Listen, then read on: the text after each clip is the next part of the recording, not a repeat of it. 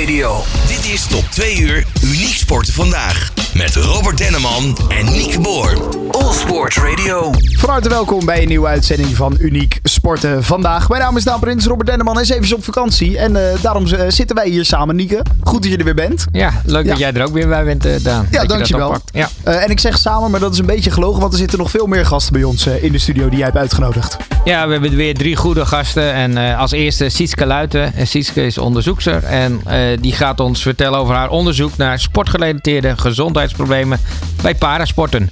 Ja. En dan hebben we ook Theo van der Meijden. Theo is oud Paralympiër, maar vooral voorzitter van de Vereniging van Paralympische Deelnemers. En we hebben Claire Petit. En Claire Petit is eh, lid van de Nederlandse para-alpine skier selectie bij de NSKV. En die komt vertellen over haar sport. Nou, die gaan we zo meteen allemaal spreken. Maar uiteraard gaan we ook eerst kijken naar eh, wat er allemaal speelt in eh, deze wereld.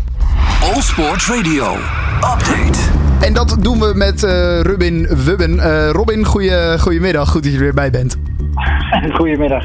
Ja, wat, eh, wat heb je allemaal voor nieuws voor ons? Ja, de laatste maand van het jaar, dat is altijd zo'n moment om terug te blikken. En dat gebeurt dus ook komende week tijdens het NOS, NOC, NSF Sportgala. En voor het eerst zijn er daar drie categorieën sportprijzen van het jaar voor de parasporters. Eh, afgelopen week werden de genomineerden voor die prijzen bekend. Eh, bij de voor de titel Parasportman van het jaar zijn genomineerd wielrenner Daniel Abraham, eh, zwemmer Rogier Dorsman en atleet Joël de Jong. Bij de vrouwen eh, zwemster Lisette Bruinsma, tennister Diede de Groot en atlete Fleur Jong. En als parasportploeg van het jaar zijn genomineerd rolstoeltennissers Niels Vink en Sam Schreuder. De rolstoelbasketbalvrouwen en tandemwielrenners Tristan Bangma en Patrick Bos. En de Jaap Edens in de verschillende categorieën worden volgende week woensdag uitgereikt in Utrecht. Ook afgelopen maand gebeurde er genoeg. Bij de Rotterdam Qualification Meet konden de Nederlandse zwemmers zich voor het eerst eh limieten zwemmen voor de Paralympische Spelen voor volgend jaar. Olivier van der Voort en Mark Evers, die de afgelopen jaren helemaal stopten, in het geval van Olivier of even een beetje in de schaduw zwommen in het geval van Mark, voldeden in Rotterdam verrassend aan de limieten voor Parijs. En dat gold ook voor Thijs van Hofwegen. In totaal acht zwemmers hebben tot nu toe voldaan aan de limieten. Eh, maar dat betekent niet automatisch dat ze ook naar Parijs gaan. Want pas aan het einde van het kwalificatietermijn, dat is april volgend jaar, worden de startbewijzen definitief verdeeld. Snowboardster Lisa Bunschoten begon het seizoen waar ze eigenlijk vorige winter gestopt was met winnen. In Snowworld Landgraven won zij de eerste twee wereldbekerwedstrijden. En om dan even een klein beetje vooruit te kijken. Op dit moment zijn de Nederlandse kampioenschappen rolstoeltennis aan de gang in Amstelveen. Voor de skiers begint het wedstrijdseizoen vandaag in het Zwitserse St. Moritz. En volgende week reizen zij naar Oostenrijk voor een tweede World Cup. En daarna, ja, daarna eigenlijk de feestdagen. En pas half januari komt de sportwereld dan weer een beetje op gang. En wil je weten wat er allemaal gaat gebeuren volgend jaar? Volg dan het laatste paranieuws op paranieuws.nl. Kijk, hartstikke goed. Robin, dankjewel. En eh, voor jou dan eh, ook alvast eh, fijne feestdagen. Ja, voor jullie ook. Dankjewel. Dankjewel. en Tot in het nieuwe jaar. Dit is Uniek Sporten Vandaag. Met Robert Denneman en Nieke Boer. Ja, Nieke, dat was eh, het laatste sportnieuws. eh, natuurlijk ook eh, in, nou ja, in eh, de parawereld. Eh, maar bij ons aangeschoven is Sietske Luiten. Sietske, goed dat je er bent. Goedemiddag.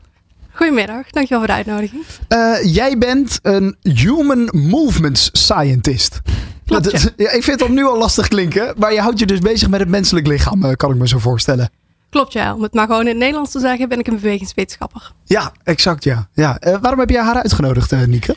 Nou, ze doet een heel bijzonder onderzoek. eh, en dat is eh, blessurepreventie in, eh, in de parasport of in het aangepast sport, hoe je het wil noemen. In het uniek sporten in Ja. dit geval. Dus, eh, en ik dacht, nou, dat is mooi. Ja, dan hebben we Sietske en vandaag een oud Paralympiër en we hebben een Paralympiër. Dus eh, nou, dan kunnen we vast iets bij elkaar brengen.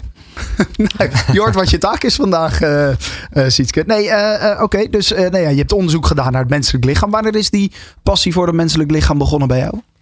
Nou, eigenlijk best wel jong. Ehm sport is er eigenlijk gewoon met de paplepel ingegoten bij mij thuis.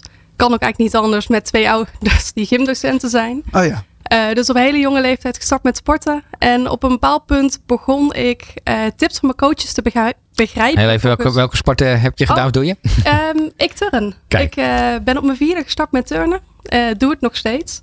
En op een bepaald punt begon ik eh, die tips te begrijpen van mijn coach van, vanuit het natuurkundig perspectief. En toen bleek daar een hele studie over te bestaan. Dus eh, daar ben ik maar eens aan begonnen. Ja, klinkt. Oké. Ja, Mooi. heel interessant. Dus, eh, en eh, hoe groot is het dat eh, gezondheidsprobleem? Ja, met name dan bij parasporters. Heb je daar een idee van? Nou, best wel groot. Wij zagen bij een eerdere studie dat eigenlijk gedurende, maakt niet uit welk moment in de tijd, om meer dan een derde van de sporters een blessure heeft. En dan hebben we het over absolute getallen, maar ook gevolgen van blessures zijn best wel groot in deze doelgroep. Als in sporters gaven zelf aan dat consequenties van een blessure enorm zijn. Op het moment ik zelf kamp met een schouderblessure, nou dat is best wel vervelend tijdens het sporten, maar ik heb er in het dagelijks leven niet zoveel last van. Maar stel dat ik zelf in een, in een rolstoel zou zitten, dan zou ik ineens helemaal beperkt zijn in mijn mobiliteit, in het vooruitkomen, in eigenlijk alle aspecten van het dagelijks leven. En, zijn de blessures ook anders bij, eh, bij mensen met een beperking of bij parasporters in dit geval? Eh, ja en nee. Als in, ehm, bijvoorbeeld om mezelf te vergelijken met een ehm, sporter met een dwarslezen die rolstoeltennist. Onze schouder is precies hetzelfde. Het soort klacht wat wij kunnen krijgen verschilt wel gezien de belasting op ons lijf anders is. Maar zo zijn er ook compleet andere eh, klachten die wij kunnen krijgen. Zo ehm, zit Claire ook hier in de studio. En eh, als ik het goed heb begrepen, ehm, sport jij ook met de prothese. Nou, er zitten compleet andere klachten rondom het sporten met een prothese dan sporten zonder een prothese. Ja, Nieke zei het al. eh, Claire is inderdaad in de studio. doet aan de eh, alpine skiën. Eh, dus nee, jij, jij- jij merkt wel een beetje wat hier gezegd wordt eh, door Sietske. Ja, ik heb zelf ook een eh, aantal blessures gehad. Dus ik eh, ja, begrijp zeker het eh, punt van dat je meer beperkt wordt inderdaad als je een blessure hebt, als je al een beperking hebt. Alleen ik vraag me dan af, hebben wij ook een verhoogd risico omdat we dus ehm, ons lichaam anders gebruiken en dus meer ja, belasting leggen op bepaalde andere ledematen? Zeker. Of in ieder geval, dat hangt er een beetje vanaf met wel- welke beperking je sport. Ehm, maar we zien wel dat bewegingspatronen compleet anders zijn. En daardoor is ook de belasting op het lijf compleet anders. Is het dan ook dat de slijtage hoger is bij ons? Ligt er een beetje aan welke sport, welke beperking. Maar dat eh, in sommige gevallen zeker. Ja. Oké. Zo, gelijk interessante vraag. Dit was precies wat jij bedoelde aan het begin, eh, Ja, Nieke. dat is Dus de dat, eh, kruisverstuiving die we ja, wilden. Dus daarom. dat is gelukt. Hartstikke goed. Eh, merkte jij tijdens je opleiding dat er te weinig aandacht was voor eh, mensen met een handicap? Die, die sporten en sportblessures. Ja, het hoort erbij. Iedereen die sport, die kan last krijgen van sportblessures. Nee, zeker. En het, ehm, binnen onze studie kun je ook verschillende richtingen opgaan. Eh een van de richtingen is de revalidatietak. Daar wordt veel meer aandacht besteed ook aan eh, sporters die met een beperking sporten. Ja. Ik zelf had meer de sporttak gekozen, dus onderzoek in de sport, eh et cetera. En daar werd eigenlijk in, in de Paralympische tak vrij weinig aandacht aan besteed. Dat kan zijn vanwege mijn keuze in die tak, maar dat, ik had verwacht dat daar iets meer kruisbestuiving zou zijn. Ja, want daarom ben je het TIPAS-onderzoek eh, begonnen. Wat houdt dat in, TIPAS-onderzoek? En wat, wat, wat, wil je bereiken met het onderzoek? Nou, het type als onderzoek, onderzoek staat voor Tailored Injury Prevention in Adapted Sports. Of in het Nederlands blessurepreventie op maat voor sporters met een fysieke beperking. En wat wij wilden bereiken was een, een, eh, de ontwikkeling van een makkelijk te gebruiken tool voor sporters. Eh, om te begrijpen wat ze kunnen doen, wat ze thuis kunnen doen. En eigenlijk direct advies te krijgen op het moment dat ze het nodig hebben. Lijkt me ook wel gevaarlijk, want eh, je gaat een soort medisch advies geven. Of hebben jullie daarover over nagedacht? Daar hebben we zeker over nagedacht. Ehm, nee, deze tool die springt eigenlijk op drie momenten in in de, in de tijd. Ehm, bijvoorbeeld als een sporter helemaal gezond is. Ehm, vaak denken sporters nog niet aan blessurepreventie als ze helemaal gezond zijn. Waarom zouden we? Maar deze eh, tool geeft op dat moment iedere week dan even een tip van heb je hier aan gedacht, heb je daaraan gedacht. Dit zijn allemaal manieren om blessures te voorkomen. Maar deze tool springt ook in als er een lichte klacht is. En dan geeft hij meteen advies wat je kan doen met die lichte klacht, wat je zelf kan doen, eh, waar je op moet letten, maar ook wanneer je medische hulp moet inschakelen. En als deze tool een, een, als we een indicatie krijgen dat er een ernstige klacht is, is het advies altijd zoek medische hulp. Wij zijn meer voor het informeren, voor advies geven en wij zijn geen eh, medisch expert DigiD-achtige versie. En voor wie is de tool nu het best geschikt? Voor de, voor, voor, de eh, voor de professionele sporter, de topsporter of juist ook de breedte sporter? Nou, deze tool is ontwikkeld met het idee dat iedereen het kan gebruiken. Ehm, na gesprek met ook de sporters en andere mensen uit het werkveld kwamen we er wel achter dat met name de breedsporter het meeste baat bij gaat hebben. Vooral ook omdat de Paralympische sporter vaak al een heel medisch team om zich heen heeft zitten. En de breedte sporter niet zozeer. Ehm, dus vaak is meer in die tak, in de breedsport, zou zoiets dan ehm, eigenlijk een mooie toegevoegde waarde hebben. Ja, zijn er- oh ja. Nee, nee, ik wilde nog even vragen, hoe werkt die app dan precies? Hoe, hoe gaat het dan in zijn in zijn werk? Nou, het is eigenlijk een heel erg simpel concept. Want ehm, die app die is gebaseerd op zelfmonitoring. Dus eh, je krijgt een vragenlijst, bestaat uit vier vragen. En op basis van die vier vragen krijgen wij een indicatie of een sporter gezond is, of er een lichte klacht is, of er een ernstige klacht is. En als er dus geen klacht is, nou, dan krijg je direct preventieadvies. Ja. En als er een lichte klacht is, dan wordt er verder gevraagd. Want dan willen we uitzoeken van is het ziekte, is het een blessure? Eh, als het een blessure is, wat voor soort blessure? Waar moeten we op inspelen? En dan op basis van die klacht die de sporter op dat moment heeft, krijg je dan dus direct advies. En krijg je dan wekelijks die vragenlijst? Moet je die zelf opvragen? Of is dat, eh, is dat als push, push notificatie dat die i- nou ja, omhoog komt? Ja, tijdens ons onderzoek ehm, kregen de sporters die wekelijks. Die kwam gewoon in de mailbox iedere maandag. Ja. Ehm, dus dat was eigenlijk best wel makkelijk te doen. En we zijn nu aan het uitzoeken wat mogelijke ehm, eh, systemen zijn om dit aan de, aan de sporter te gaan geven. Ja, want ook hoe eerder je erbij bent, hoe beter natuurlijk, toch? Ja, precies. En wij mensen zijn blijven toch mensen. Blessurepreventie is niet heel erg interessant. Als, Nee, als je nee. gezond bent, dan denk je daar niet per se aan. Maar op het moment dat je dan dus zo'n vragenlijst invult en je blijkt toch een klacht te hebben, en je krijgt op dat moment direct advies, dan werkt het eigenlijk best wel goed. Ja. En Toch kan ik me ook voorstellen dat de parasporters misschien altijd al een, misschien een, een pijntje hebben. Hè? Dus we mensen zonder beperking eh, misschien wat eerder eh, aan een blessure denken of, eh, of voelen. Oh, eh, Ben je dat ook tegengekomen? Dus eh, is die pijngrens hoger? Eh, klagen ze minder snel en daardoor is de kans op een blessure ook groter? Nee, dat is zeker iets wat sporters ook aangaven. Wij ehm, hebben ook een hele studie opgericht om erachter te komen wanneer sporters iets nou als een blessure zien. En wat ze heel vaak zeiden was dat ze, deze sporters leven vaak met pijn. En ze zijn gewend om zich aan te passen. Dus soms is die pijn, die registreren ze niet eens, dat hebben ze niet eens door. Totdat je dus bijvoorbeeld met zo'n vragenlijst het gewoon al vijf weken per rij invult. Dat je denkt, oh, misschien is er toch wel een probleem. Dus inderdaad, ehm, best wel vaak zagen wij dat klachten ineens ernstig worden. Omdat sporters op het begin dachten van, ah, het is toch niet zo erg. Dat komt wel goed. En dan met die feedback van, hey, misschien is het slim om hier en hier en hier op te letten. Of misschien is het toch slim om naar de fysio te gaan. Kunnen we ervoor zorgen dat die lichte klachten geen ernstige klachten worden. Ja. En, en is die dan speciaal voor mensen met een handicap? Of is die voor, voor iedereen in de breedte sport inzetbaar? Ja, momenteel is die met name voor sporters met een fysieke beperking. Ja. We hebben hem echt ingericht op ehm, de klachten die we in deze doelgroep zagen. Maar dit concept zou in principe voor iedereen Ja, te exact. gebruiken moeten zijn. Ja. Ja. Ja, en, en, en zijn er nog andere belangrijke resultaten uitgekomen uit je onderzoek die je nou niet verwacht had misschien, die we nu ook niet besproken hebben? Wat ik niet verwacht had. Nou, ik had in ieder geval heel erg gehoopt dat het zou werken. Eh, we zijn momenteel bezig met de laatste analyses. Maar wat we wel zien is een hele mooie daling in het aantal klachten en de ernst van klachten. Dus over tijd lijkt het best wel goed te helpen. Eh, wat ik niet had verwacht was dat sporters het. ehm ze gaven aan dat ze het ook heel erg zagen als een tool die hun het groene licht gaf om hulp te zoeken. Dat ze Oh. dus ook heel erg een barrière voelen om dan toch nog een keer naar een fysio te gaan. Dat kan een logistieke barrière zijn. Maar ook inderdaad wat je zei van, nou ja, ik, eh, ik zit al met zoveel klachten, dit, dit is niet zo erg. Ehm, en op het moment dat ze dan dus het advies kregen van, oh, misschien is er toch iets aan de hand, zoek hulp. Dat ze dan dachten, hé, hey, ik heb groen licht, ik mag naar de fysio. Ja. Ja, en als ik dan naar die tool eh, zo hoor en luister, dan denk ik, ja, die moet eigenlijk gewoon op het Uniek Sportenplatform. Want daar komen eigenlijk eh, vooral de, de ook de sporters die net beginnen, op zoek zijn, maar ook nog wel eh, wat meer komen halen. Is dat een optie? Ja, dat zou helemaal fantastisch zijn. Als in het Uniek Sportenplatform is een platform waar we al heel erg veel kunnen vinden als het gaat om sporten.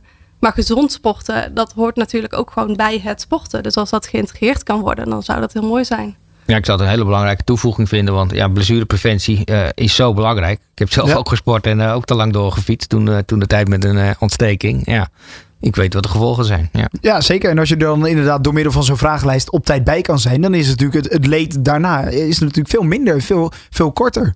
Ja, Ja. precies. Ja. Dus we voorkomen niet alleen dat ze wellicht minder blessures krijgen, maar we hopen dus ook te voorkomen dat blessures ernstiger worden. Ja. Dat we er op tijd bij zijn en op tijd hulp gezocht kan worden. Ja, wat is het doel voor nou ja, de komende jaren dan met deze? eh, nou ja, is het een app? Nou, momenteel is het een, een ehm, online platform. Ja, Eh, het zou heel erg mooi zijn als dat in een app gegoten kan worden of geïntegreerd kan worden in een al bestaand platform. Ehm, mijn doel zou zijn dat dit ehm, gratis en toegankelijk is voor iedere sporter die het wil gaan gebruiken. Dat zou, ehm, ja, dat zou ik wel een mooie afsluiting vinden van dit project. Ja, nou ja, dat eh, moet regelen zijn toch? eh, Ja, en wij vinden Zeker. dat op het platform Unique Sport alles moet te vinden zijn over eh, sport voor mensen met een beperking. Ja. Dus eh, ja, dan is dit ook een belangrijk onderdeel. Dus daar moeten we aan gaan werken. Zeker. Nou, hartstikke mooi. Eh, dan eh, wens ik jou nog eh, heel veel succes. Tipas, dat, eh, zo heet het nu. Waar, waar kunnen mensen het nu vinden als ze nu, eh, wa- want als ze nu nou ja, hier willen, eh, meer informatie over willen vinden of nou ja, die vragenlijsten willen invullen, et cetera? Eh, momenteel is er wel wat informatie over de studie te vinden, inderdaad onder TIPAS. Ja. Ehm, het hele platform is momenteel nog niet te vinden. Die is eventjes offline gehaald omdat we bezig zijn met de resultaten. Ah. Maar hopelijk wordt dat dus binnenkort toegankelijk voor iedereen. Nou, en dan is het vanzelf weer te vinden op Uniek Sport. Eh, toch, eh, Nieke? Dan gaan wij zorgen dat het bekend wordt. hartstikke goed, hartstikke goed. Eh Sietske Luiten, dankjewel in ieder geval en veel succes nog hiermee. Dankjewel. Dit is Uniek Sporten Vandaag. Met Robert Denneman en Nieke Boer. Voor de maand december inderdaad uniek sporten vandaag. En bij ons aangeschoven Nieke. eh, Dat is Theo van der Meijden, voorzitter van de Vereniging van Nederlandse Paralympische Deelnemers. Welkom Theo. Dankjewel voor jullie uitnodiging. Ja, goed dat je er bent. En Ja. dat niet alleen, ook gewoon eh, gouden medaillewinnaar eh, hoor ik net ineens. ja, nou nog wel meer ook. Want ik weet eh, dat Theo heeft meegedaan aan, de, aan de Spelen in New York. En eh, het is niet alleen goud geweest, maar voor mij ook zilver en brons. Klopt, ik had eh, één keer goud, één keer zilver en twee keer brons. Twee keer. Onder, op het onderdeel zwemmen. Ja. En dan hebben we het eh, over het jaartal 1984. 1984, klopt. Ja. Dan ben ik toch wel even benieuwd, Theo, in die tijd. Door, door wie werd jij uitgezonden? Was dat de Nederlandse Invalide Sportbond? Het was de NIS, hè, de- toen de, Nederlandse Invalide Sportbond. Ja, Ja. daarna overgegaan in NEBAS. En eh, ja, dus we waren eigenlijk de voorlopers van de huidige NOC-NSF eh Paralympiërs. Ja. En in die tijd, eh Daan, was eh, Fonds Gehandicaptensport zeg maar, de belangrijkste eh, ja, sponsor ook van, eh, van de Nederlandse ploeg. Dat is natuurlijk nu sinds eh, 2004 is dat overgedragen aan eh, Team NL natuurlijk. Ja. En waar bij 10 uur bij zit. Maar, eh, maar jij, ja, jij hebt nog echt de oude situatie meegemaakt. Mooi. We hebben de oude situatie. We zijn de baanbrekers geweest. Ja, 40 jaar geleden. Wat is er inderdaad in die 40 jaar gebeurd met, nou ja, de, met de sport? Heel veel, heel veel. Als je dat ziet, eh, de trainingsmethodieken zijn anders. Eh, wat ze tegenwoordig hebben is een A-status die ze kunnen krijgen. Dat was in onze tijd Ja. niet. Wij moesten gewoon, eh, ik trainde s morgens twee uur, s'avonds twee uur. Ik lag om zes uur s morgens in het zwembad tot acht uur. En s'avonds van zeven tot negen lag ik weer in het zwembad. En eh, overdag moest ik werken of in eerste instantie nog op school. En eh, nadien werken. Dus het was een combinatie van werk en, en sport. Terwijl je nu fulltime met je sport bezig kan zijn. En ik denk dat je daardoor ook het niveau veel hoger kunt inschatten als toen de tijd. En er was iets bijzonders aan de hand in 1984. Hè? Want de Spelen worden nu natuurlijk op één plek georganiseerd. Maar eh, een deel, jij was in New York. Maar ook een deel van de ploeg was in Stoke Mandeville in Engeland. Wat, wat, was daar de reden van? Dat was de reden van dat eh, eh, de Amerikanen die zeiden wij kunnen alles veel beter. Eigenlijk zou het in Rusland gaan plaatsvinden toen. Ja? En, eh, maar eh, toen konden ze eigenlijk eh, niet alles herbergen. En toen hebben ze gezegd van oké, de rolstoelers eh, doen we in Stoke Manville. En de, eh, de beenamputaties, de verlammingen met, eh, de, met, met wat lichtere handicaps, die doen we in, eh, in New York eh, laten plaatsvinden. Dus eh, dat was eigenlijk eh, ja, niet te doen gebruikelijk dat ze dat deden. Ja. En nu iets bijzonders, want de Nederlandse Vereniging van Olympische Deelnemers, die kende ik al. Eh, inmiddels ken ik eh, de Vereniging van Paralympische Deelnemers ook. Maar eh, dat moet jou ook eh, in de weg hebben gezeten. Want Dat zat mij zeker in de weg. En ook eh, vooral NOC-NSF zat dat erg in de weg. Kijk, eh, de, de NVOD, Nederlandse Vereniging Olympisch Deelnemers, Ja. bestond al vanaf 1986. En in 2023 hadden we nog geen vereniging van Paralympisch deelnemers. In het verleden heeft NOC-NSF dat wel proberen vlot te trekken. Maar om allerlei redenen is dat niet gelukt. En eh, ik ben er wel trots op dat ik samen met mijn bestuur eh, nu in 2023 kan zeggen dat we in ieder geval een vereniging voor Paralympisch deelnemers hebben. Ja, exact. Want jij, jij bent de voorzitter daarvan. Kan je, Ik heb de eer om de voorzitter van te mogen zijn, ja. ja, kan je uitleggen wat de vereniging precies doet? De vereniging doet eigenlijk wat we willen doen is eren en waarderen van de Paralympiërs. En eh, wat we willen doen is de mensen bij elkaar brengen. Ook, ook een deel misschien wel uit hun is- isolement trekken. Je ziet vaak dat mensen op een oudere leeftijd toch wat meer eh, ja, in de problemen komen. Hè. Ook fysiek ga je achteruit vaak. Mensen zijn meer thuis of ze zijn in een uitkering terechtgekomen. Ja, en wij willen toch die Paralympiërs weer bij elkaar brengen. En Ze- zelfs die mensen, je zou denken, die hebben zich vrijgevochten. Die zijn, die, die, zijn door die barrières heen gegaan. Die zijn ondanks eh, nou ja, de, de fysieke beperkingen die ze hebben gaan sporten. Die hebben grote hoogtes gestaan. Die hebben misschien wel gouden medailles gewonnen. Zelfs die kunnen later toch weer terug ja, in een ja, bijna een soort isolement Nou, weer zeker, zeker. En wat, wat heel erg triest is, eh, ik, wat ik van nabij weet, is dat er bijvoorbeeld drie mensen al zelfmoord hebben gepleegd op latere leeftijd, omdat ze niet konden omgaan meer met hun handicap. Als je op jonge leeftijd, dan sta je midden in de, in de picture. Vooral, je, je fysiek kan je er nog een hele hoop aan. Je wordt ouder en je gaat achteruit. En heel veel mensen, of heel veel, er zijn mensen met een beperking die dat geen plaatsje meer kunnen geven. En eh, dat, eh, dat is wel triest. Dus het is, ik vind het ook een, een taak van de VNPD, Vereniging van Nederlands Paralympiërs, om die mensen weer uit hun isolement te trekken en weer bij elkaar te voegen. En weer bij, om, ook bij de, de huidige Paralympiërs eh, te brengen. Ja. Ja, zijn, zijn jullie dit jaar gestart tijdens het EPC? Ja. En vertel eens, eh, daar heb je al iets kunnen betekenen voor de sporters? Of heb je al andere activiteiten kunnen doen? Nou, we hebben zeker al wat eh, mogen betekenen. Wat je zelf zegt tijdens het EPC. Hè. We zijn eh, opgericht 11 mei. Dus we zijn nog een vrij jonge vereniging met 88 leden op dit moment. We hebben op het EPC hebben we de eerste aftrap mogen doen. En dan zijn we ook eigenlijk de lucht in gegaan. En we hebben ook het eerste event voor onze eigen leden mogen organiseren daar. En ja, waar ik wel heel erg trots op ben, is dat, er- dat er zo'n grote opkomst was van onze leden. Dus, en wat, we hebben ook al nieuwsbrieven uitgegaan. We gaan ook het komend jaar eh, wat dingen, activiteiten ontplooien. Dus we- er wordt volop aangeschreven. Alleen eh, Keulenaken zijn niet op één dag gebouwd. En step by step. En hardlopers zijn ook doodlopers. Dus eh, we, we willen wel langzaam groeien. En nou ga ik maar eens een balletje opgooien. Want ja, dan denk ik, jongens, we hebben het altijd over integratie en alles samen. Maar wordt dat één vereniging? Is dat een doel of het- niet? Ja, ik vind het een mooie. daar zijn we volop mee bezig. Dat is ook een wens die NOC-NSF heeft uitgesproken. Om in de nabije toekomst te kijken of we van de NVOD samen met de VNPD één vereniging. Ik ben daar ook een groot voorstander van, van integratie. Ik vind, eh, ik vind ook, het, het moet niet uitmaken of je Olympiër bent of Paralympiër. Je hebt allebei dezelfde doelstelling gehad. En dat- die doelstelling is om het maximale uit jouw sportcarrière te halen. En dan moet het niet uitmaken of je valide of invalide bent. Nee, je bent Olympiër, Paralympiër. Ja, en eh, de wens is om daar wel eh, naar te werken. Ik heb wel gezegd naar, tegen NOC en NSF, we moeten eerst kijken of we als vereniging van VNPD ook draagvlak hebben voor de vereniging. Dus geeft het ook de tijd. Hè, en dat, mijn tijdspad is drie tot vijf jaar. Om te zeggen van kunnen we die zaak implementeren tot één vereniging straks. Maar die wens ligt er wel degelijk. En het leuke ervan is dat het ook wel draagvlak via via bij, binnen de NVOD nu krijgt. Edwin Benne is voorzitter van eh, de NVOD. En eh, zelfs dat we nu in, eh, in januari het eerste gezamenlijk evenement gaan organiseren. Dus de wens is er ook daar wel. Eh, alleen Ja. je moet het even wat kneden en het heeft eh, ja, wat tijd nodig. Ja, want het eerste solo-event hadden jullie dus al. Hoe zag dat er precies uit? Wat, eh, wat, wat is daar gedaan? Ja, we hebben het, het waren natuurlijk op het EPC in Rotterdam. Ja, Daar hebben we een para-championship. Para, Para Championship hebben we onze leden uitgenodigd. Daar hebben we dus eigenlijk de eerste ja, kennismakingsmeeting met iedereen gehad. Eh NRC NSF heeft daar zijn woordje gedaan.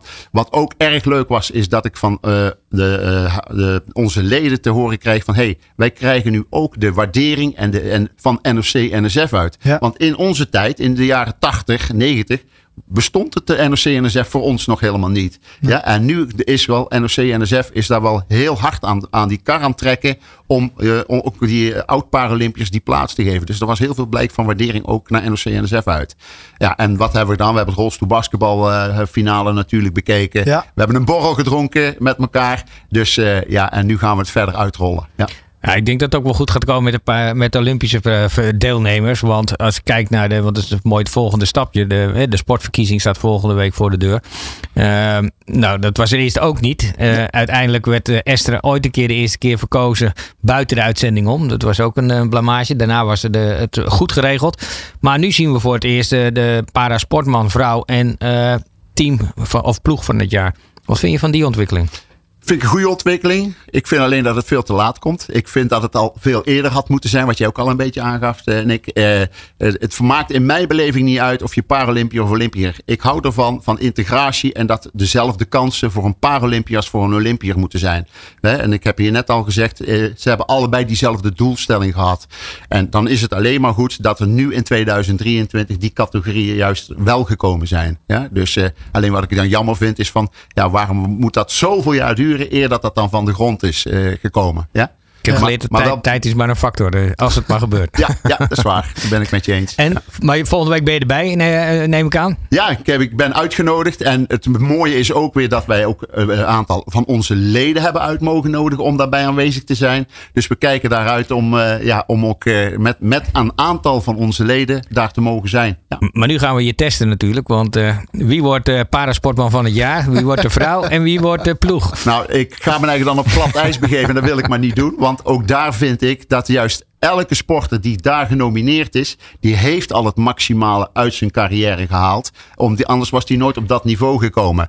En ik zou mensen tekort gaan doen als ik namen zou gaan noemen van die wel of die niet. Nee, het zijn voor mij allemaal toppers die daar zijn geweest. Ja? En die daar, als, als je al zo ver bent gekomen dat je genomineerd bent, dan ben je al een topper. En dan zal het voor ons, als we NPD niet uitmaken, of het X, Y of Z is. Nee, degene die daar die met de titel mag gaan lopen. Eh, chapeau. Ja? Ja. Nou, Ja. sowieso mooi dat dat er natuurlijk is. Maar Theo was gewoon bij de finale van de dames rolstoelbasketbal, dus eh, volgens mij weet ik het wel.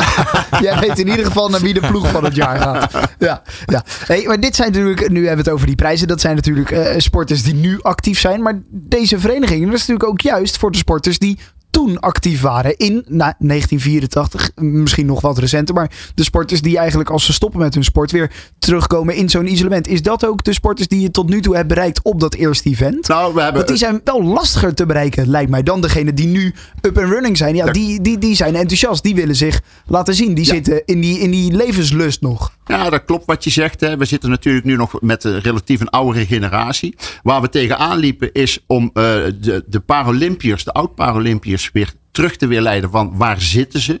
Ja, eh, ze zijn bij wijze van spreken getrouwd, hebben de mansnaam aange- aangenomen. En ze zijn van Breda naar Groningen Ja, verhuisd. ja. Nou, je krijgt ze niet meer boven water. Dat, Nee. is, dat is een probleem. Eh, gelukkig hebben we daar een, een bestuurslid Henk Legenbeek die daar heel act- actief mee aan de kar getrokken heeft. eh, om die mensen die we konden vinden toch te benaderen.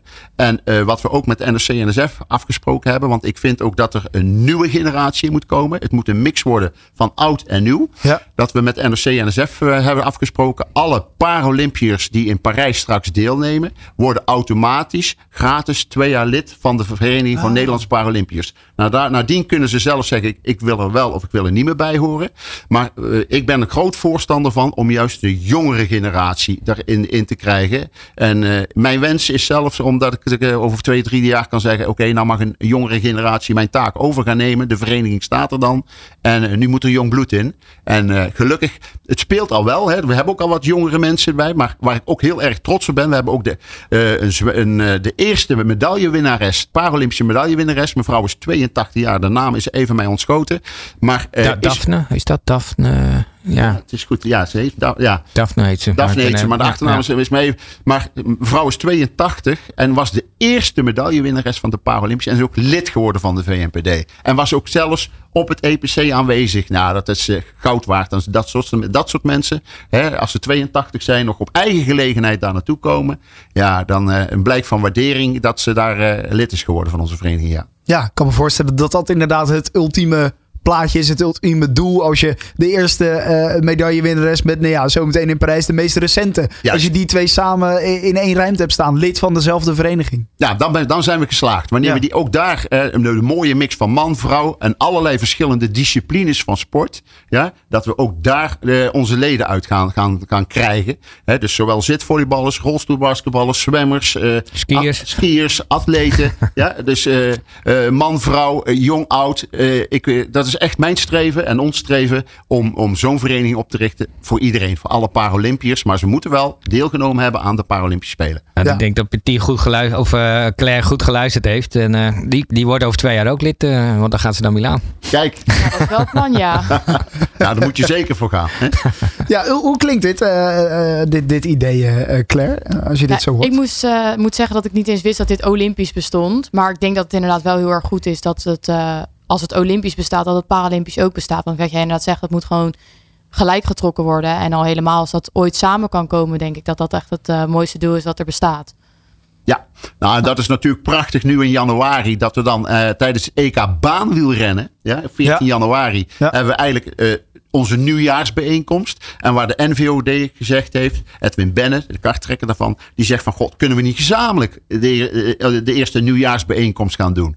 Ja, en daar zijn we dan met een honderdtal, 150-tal mensen tijdens het EK baanwielrennen. Heeft niets met Paralympische sport te maken, bij wijze van spreken. Maar we gaan wel samen optrekken. En wat is er nog mooier om een Olympier samen met een Paralympier te kunnen koppelen? Want de Paralympier wil de Olympier is ontmoeten en de Olympier wil de Paralympier ontmoeten. Ja, en dat is, eh, dat is goud waard als, dat, eh, als we dat van de grond gaan krijgen in de toekomst. Maar al die intenties vanuit eigenlijk alle mensen in de organisaties, die zijn perfect hoor ik, eh, Theo. Ja, de neuzen staan allemaal, Ja, dezelfde, precies, staan ja. allemaal dezelfde kant op. We zitten nog wel en, eh, met een stukje oudere generatie die, eh, die de mentaliteit hebben van dat is van ons. Ja, daar moet je nog van afblijven. Ja? En daarom heb ik net gezegd van nou, wij moeten onszelf ook, en dat vind ik ook terecht, hè, want ik vind ook dat we onszelf als NVOD of eh, VNPD eerst moeten bewijzen dat we een vereniging waardig zijn. Ja. En daarna kunnen we die stappen gaan maken. Maar eh, ja, we zijn al achter de schermen daar volop mee bezig. En zowel bij de NVOD als bij de VNPD is daar draagvlak voor. En NOC. En, en het is de wens van NOC en NSF dat het eh, binnen drie à vijf jaar één vereniging gaat worden. Ja, en wat dan natuurlijk mooier is. Ik vind dan ook eh, marketingtechnisch kun je dan ook veel beter naar buiten toe treden. Dat je één vereniging bent. Ja, Da- daardoor kun je ook samen events kunnen organiseren. Kun je ook meer financiële middelen creëren om dingen te doen. Dus ik ben daar een heel groot voorstander van. Ik hou van integratie. En ja, in mijn eigen werk heb ik dat ook altijd gehad. Eh, Ik, ben, ik was eh, relatiemanager bij een heel groot bedrijf. Dus met, ook mensen met een beperking zitten veel meer mogelijkheden in. als dat ze vaak zelf vermoeden. Nou, Ja. In ieder geval vindt Fonds Gedenkend Sport het ook enorm belangrijk dat de vereniging er is. En hebben we jullie ook eh, voor de eerste twee jaar geholpen. Dus, eh, Zeker. we- Heel dus, hartelijk eh, dank daar nog We hebben voor. al het vertrouwen erin. Gaat zeker goed komen. Kijk, hartstikke goed. Waar kunnen mensen lid worden, meer informatie vinden? eh, Op de website eh, www.vnpd.nl ja, en op Facebook eh, zijn we te bereiken. En ja, ze kunnen, als ze mijn naam googelen of, link, of op LinkedIn, dan kunnen ze alles al terugvinden. Dus we zijn altijd te bereiken. Nou, dat is Theo van der Meijden, VNPD, Vereniging Nederlandse Paralympische Deelnemers. Mooie vereniging, fijn dat die er in 2023 is gekomen. En veel succes met de voortzetting daarvan. Dankjewel.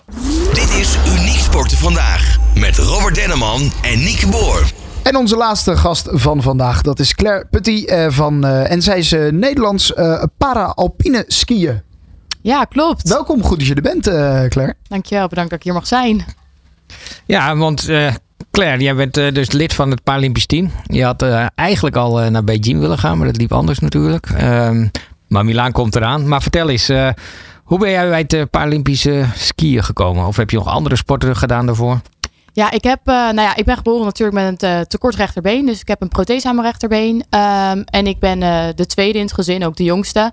En mijn ouders hebben toen ik geboren werd eigenlijk mezelf, eh, of mij opgevoed zoals mijn zus, mijn oudere zus. Dus ik heb eh, gewoon bij een reguliere ve- vereniging gehockeyd. Eh, en ik heb op tennis gezeten. Ehm, en mijn ouders gingen eigenlijk ook elk jaar wintersport. Dat heb ik eh, dan ook geprobeerd toen ik vier was. Eh, gewoon op twee benen, gewoon proberen. Ehm, vallen en opstaan en door. Ja, uiteindelijk eh, kwamen we er toch wel achter dat op twee benen was wel een beetje kansloos. Ehm, en toen kwam- ik via mijn revalidatiearts kwam ik in aanmerking met de VGW, Vereniging Gehandicapte Wintersporters.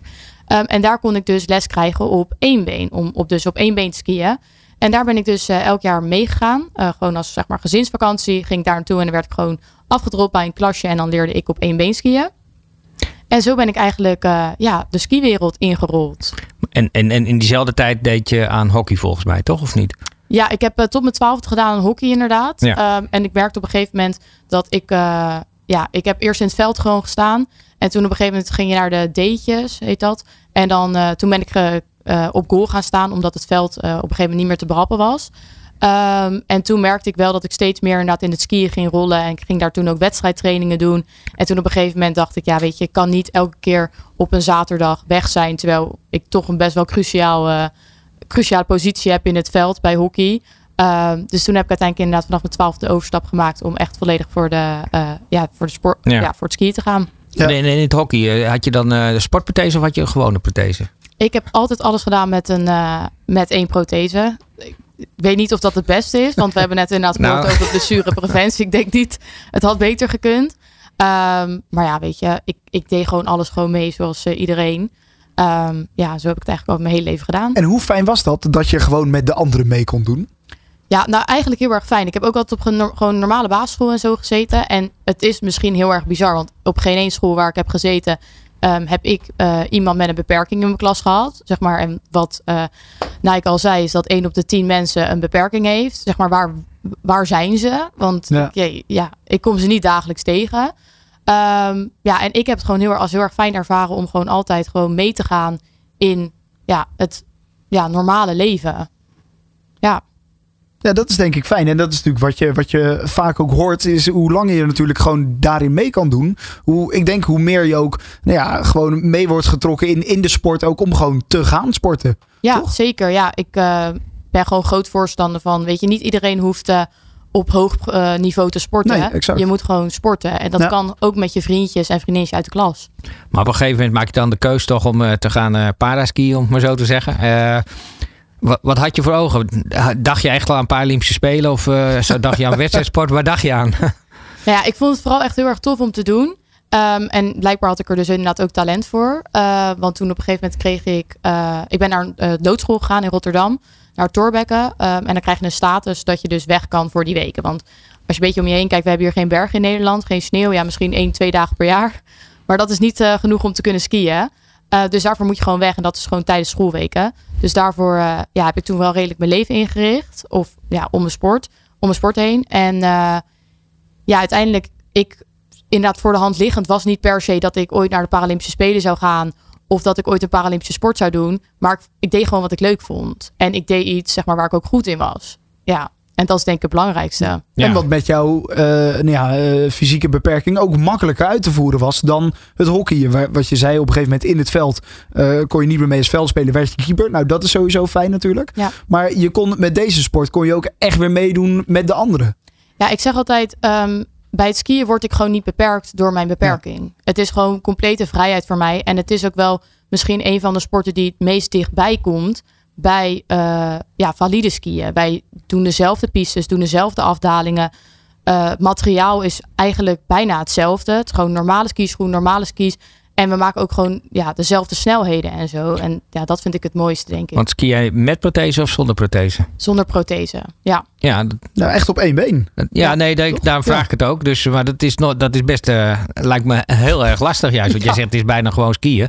Nou, ik doe al gewoon skiën, maar dan, dat is dan met twee balans, lastig. Het is uh, heel erg om de balans te vinden. Maar ja. hoe, hoe, is dat anders? Hoe gaat dat? Jij, het is voor jou natuurlijk uh, eigenlijk gewoon dagelijkse kost. Maar ik ben toch wel heel benieuwd hoe dat uh, gaat. Ja, het is natuurlijk wel gewoon um, ja, balanstechnisch heel anders. Maar ik ben dit natuurlijk gewend. Ik uh, ja, leef al 19 jaar inderdaad uh, met anderhalf been natuurlijk. En dan een prothese af en toe. Maar ik heb gewoon echt een balans dat enorm goed is ontwikkeld.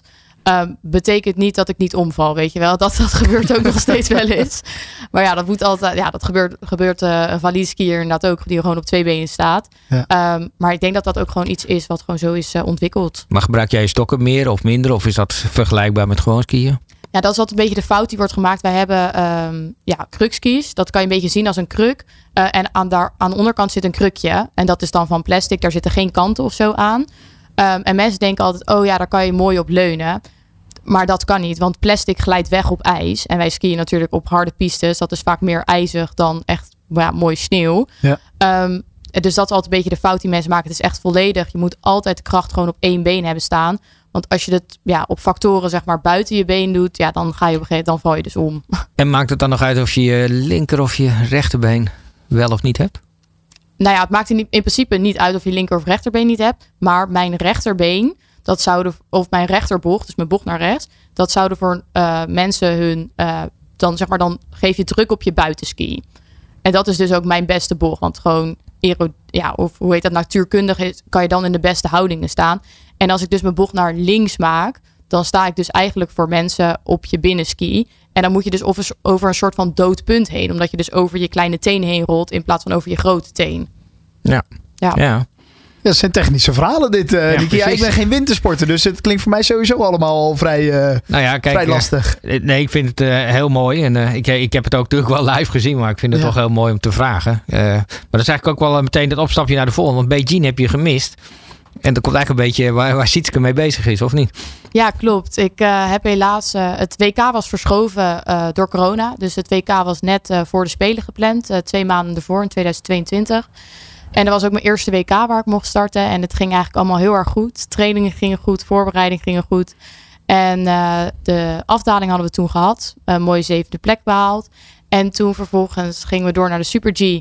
En toen letterlijk bij de ene laatste poort... Um, ja, gebeurt er iets, raak ik dus mijn balans kwijt. Wat dus kan gebeuren. en ik eh, ga door de poort heen, klap tegen de sneeuw aan. En eh, ja, sleutelbeen gebroken. Ja, twee maanden of ja, nog maar anderhalf maand tot te spelen. Ja. Eh, maand voor vertrek. Ja, dat eh, ja, Ja. was klaar. Ja, doodzonde. Ja. Maar nu, eh, ja, weer blik vooruit. Eh Milaan, eh, wat doe je er allemaal voor en wat voor wedstrijden komen er allemaal aan om je te kwalificeren? Nou ja, wij trainen sowieso als team eh, vijf dagen per week op Papendal. Daar woon ik ook. Ik eh, zit intern op Papendal. Ehm, en ja, ons, geen één week ziet er hetzelfde uit. Wij eh, skiweken zien natuurlijk heel anders uit dan eh, de weken op Papendal. Eh, maar op Papendal zorgen we dus eigenlijk voor blessurepreventie voor onze sport. Dus heel veel aan krachttraining doen.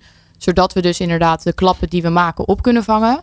Ehm, en dan vervolgens inderdaad gaan we naar de sneeuw toe. En ons seizoen is ongeveer van eind augustus. Dit jaar hebben we die mogen beginnen, het seizoen in Chili. Echt prachtig. Tot aan ongeveer eind april. Het duurt ons seizoen dan. En dan zijn we eigenlijk zo tussen de 18 en 20 weken per jaar weg. Ehm, en dan beginnen we dus inderdaad met een voorbereiding. Dus veel trainen. En dan vanaf december beginnen de wedstrijden. Helaas zijn de wedstrijden die ik eh, begin december had moeten hebben, zijn allemaal afgelast door de vele sneeuwval. Dus voor de mensen die nog op vakantie gaan, dat stopt.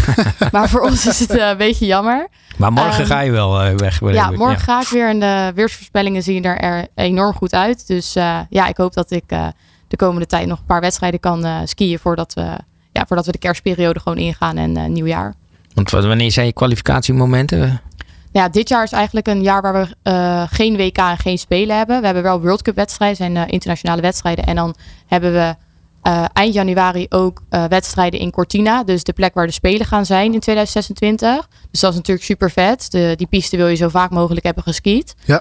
Ehm, en dan eh, vanaf volgend jaar beginnen de kwalificatiemomenten. En uit mijn hoofd begint dat vanaf januari. En dan is dus ongeveer het WK.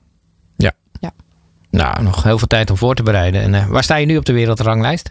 Oh, dat durf ik eigenlijk niet te zeggen. Ja, ik heb een tijdje in blessure gezeten. Ja. Dus dan krijg je blessurestatus. Dus dan word je een soort van van de lijst afgehaald of je, ja, je resultaat wordt bevroren. Ja. Dus ik hoop dat ik nu met deze wedstrijden gewoon weer, eh, ja, zeg maar mezelf, ja, ja, hoe noem je dat weer, gewoon eh, in het veld mee kan laten doen. Of op die lijst inderdaad Ja. ja. ja, mee te laten tellen. Want wat voor seizoen gaat dit dan worden?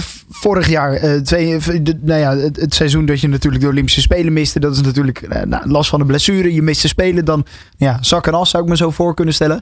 Nu dit jaar, eh, nou ja, je zei het al zelf, eh, geen Paralympische Spelen, ook geen eh, WK. Dus ja, tussenjaar zou ik het misschien niet willen noemen. Want wat je zelf zegt, je wil ook weer jezelf meten met de anderen.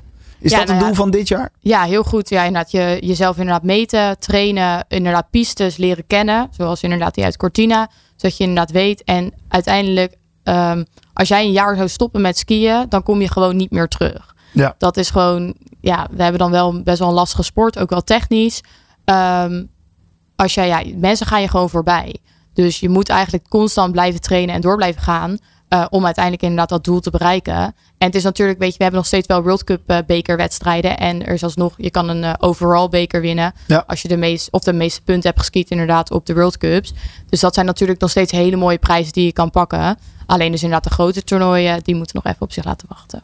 Ja, en dan eh, als je kijkt naar de mensen met een lichamelijke beperking, daar, daar sport nog maar 18% van. Als je kijkt naar de mensen zonder beperking, is dat 60%.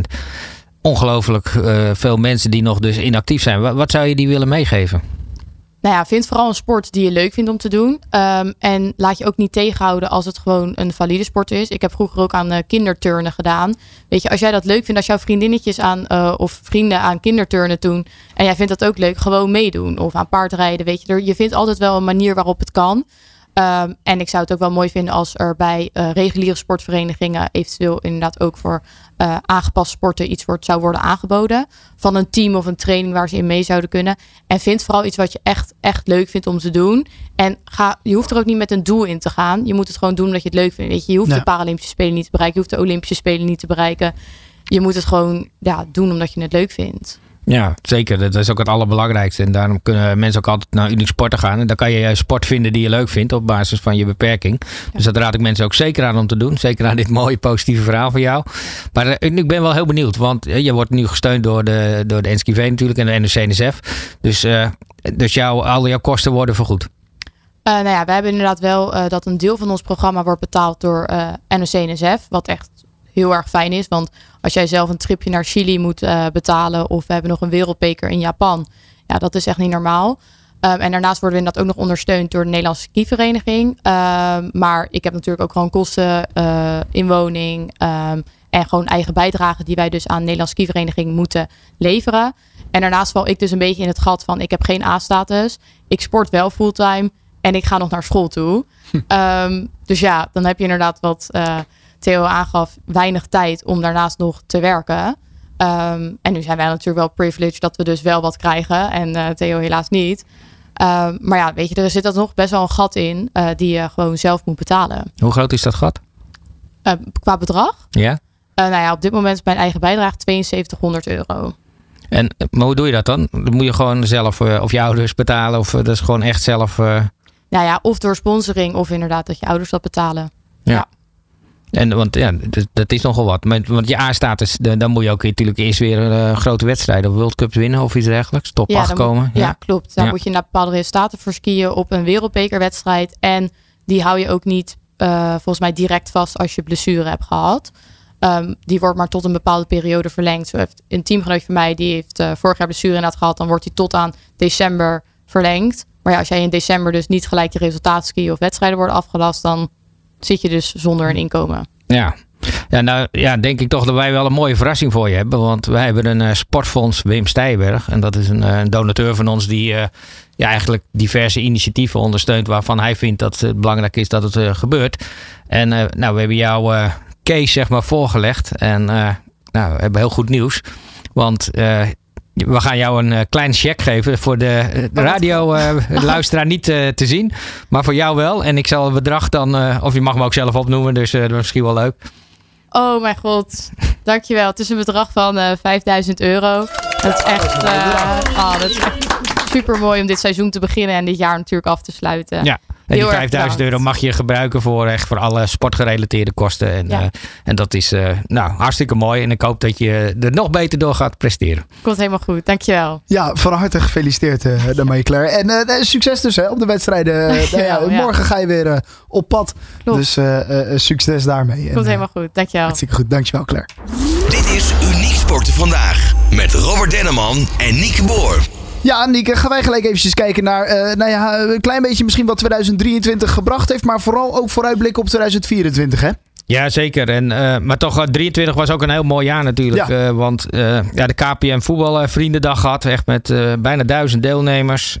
nou, net ook al aan de orde geweest, het EPC. Ja. voor mij een van de mooiste evenementen dit jaar in Nederland. de European Para Championships wordt eerst georganiseerd. Multi-evenement. Kwalificatiemoment voor Parijs natuurlijk geweest. Ja, in Rotterdam. Prachtig. In Rotterdam. Ja, we waren er zelf ook aanwezig. Ook al Sport Radio met ons. Ja. Dus was erg leuk. Uh, ja, ook heel belangrijk, ook voor ons fonds en voor Unique Sporten. De Handbike Battle, die zijn we gaan ondersteunen. En um, op, eigenlijk voor, op twee manieren. Dat is één, omdat het enorm belangrijk is, is dat uh, de hulpmiddelen, de sporthulpmiddelen in Nederland goed geregeld gaan worden. En al deze deelnemers die komen uit de revalidatie en hebben veelal gewoon die handbike gewoon nodig. En ja, dat is zo slecht nog geregeld in Nederland. Dat moet beter. Dus dat willen wij ook beter maken en dat laten we ook zien op de berg. Maar ook de relatie met de revalidatiecentra. De 14 centra deel doen mee aan de organisatie van de Handbike Battle. En wij hopen eigenlijk ook via de revalidatiecentra beter bij de sporters uit te komen. Zodat ze ook eenvoudiger de weg naar Uniek Sporten kunnen vinden. Dus, en dat gaan we volgend jaar ook weer doen. Dat is meteen al vooruitkijken. En we hebben precies. natuurlijk de Uniek Sportendag. Die is ook geweest. Ook dit jaar met meer dan uh, 100 uh, regioconsulenten die allemaal bij elkaar zijn gekomen. En diverse thema's hebben besproken die van belang zijn. En daar zitten zeker ook hulpmiddelen bij. Maar ook uh, natuurlijk alles wat er rondom sport te maken heeft op lokaal niveau. Die gaat volgend jaar ook terugkomen. Ja, ja en 24. Maar, nee, ja, maar eerst, hoe kijk je dan in het algemeen terug? Dit zijn natuurlijk mooie hoogtepunten. Maar hoe kijk je dan algemeen terug naar 23? Uh, was het een geslaagd jaar voor jullie? Uh, ook als Fonds Gehandicapten Sport. Uh, platform Uniek Sport. Was je natuurlijk nou ja, de hele uitzending al hebt benoemd. Ja, het was zeker een mooi jaar. We, we zijn al uh, eigenlijk heel lang bezig met die sporthulpmiddelen. December 22 heeft toen de, de minister een bedrag ook van 750.000 euro toegezegd voor het inrichten van het centrale loket voor sporthulpmiddelen. Dat is fantastisch. We hebben dit jaar, uh, nou ik denk wel 500, 600 hulpmiddelen ook kunnen verstrekken. En wat veel belangrijker is, we proberen echt tot een landelijke regeling te komen. Zodat sporthulpmiddelen geen barrière meer is voor mensen met een uh, lichamelijke beperking. Zover zijn we nog niet. Maar we hebben wel hele belangrijke stappen vooruit gezet. Dus ik heb het uh, vertrouwen erin dat we dat op gaan lossen. Dus ook daarin zijn mooie stappen gezet in uh, 2023. Ja, er is nog veel te doen. Maar ik, ik, ik ben ervan overtuigd dat we deze barrière weg gaan nemen. Ja, misschien al in 24 en anders in 25. Het is belangrijker dat die gewoon weg is. En dat het goed geregeld is. Ja, in 24, dat is voor mij toch uh, ja, het Paralympische jaar, Parijs. Zeker, Parijs, uh, ja. Daar gaan we natuurlijk ook heen met een mooie groep. Uh, we hopen ook dat we met Unique Sporten daar aanwezig kunnen zijn. We hopen ook dat we met All Sports Radio daar wat kunnen gaan doen. We hebben in, uh, in juni hebben we de Handbike Battle, uh, de tiende uitvoering. Dus we hopen ook dit jaar een, een, trainingsdag in Nederland te hebben. Dus waar ook alle deelnemers ook heen kunnen komen. Oh, en misschien goed. nog wel andere mensen die geïnteresseerd zijn. Ja. Dus ja, komt weer een heel mooi sportief jaar aan. Ja, precies. Nee, ik hoor het al. Dus uh, genoeg in 2024 ook om uh, nou ja, nog, uh, nog in de gaten te blijven houden. En nou ja, dat wordt dus ook een mooi jaar met als hoogtepunt natuurlijk inderdaad wel die Paralympische Spelen. Die er dan natuurlijk aan zitten te komen. in de zomer van 24 in Parijs worden ze dan gehouden. Nieke, jij alvast natuurlijk een fijne feestdagen. Ja, jullie ook allemaal. Uiteinde en ook uh, aan alle gasten hier in de studio. En uh, nou ja, laten we dan afspreken dat we in 2024 elkaar weer spreken. Gaan we doen. En als het goed is, dan gewoon met Robert Denneman. Als hij weer terug is uh, van vakantie. Ja, je wil vast ook wel mee naar Parijs, of niet? Nou ja, goed. Als je nog een reis en een hotelkamer over hebt, dan zeg ik geen nee. gaan, we, gaan we zien na kerst. hartstikke goed, hartstikke goed. tot zover Uniek Sporten vandaag. uiteraard kan je alles later vandaag terugvinden op onze website allsportsradio.nl. En je kan op de hoogte blijven via onze social media kanalen. Dat is Allsports Radio NL. Tot volgend jaar bij Uniek Sporten vandaag. Dit is Uniek Sporten vandaag met Robert Denneman en Nieke Boer.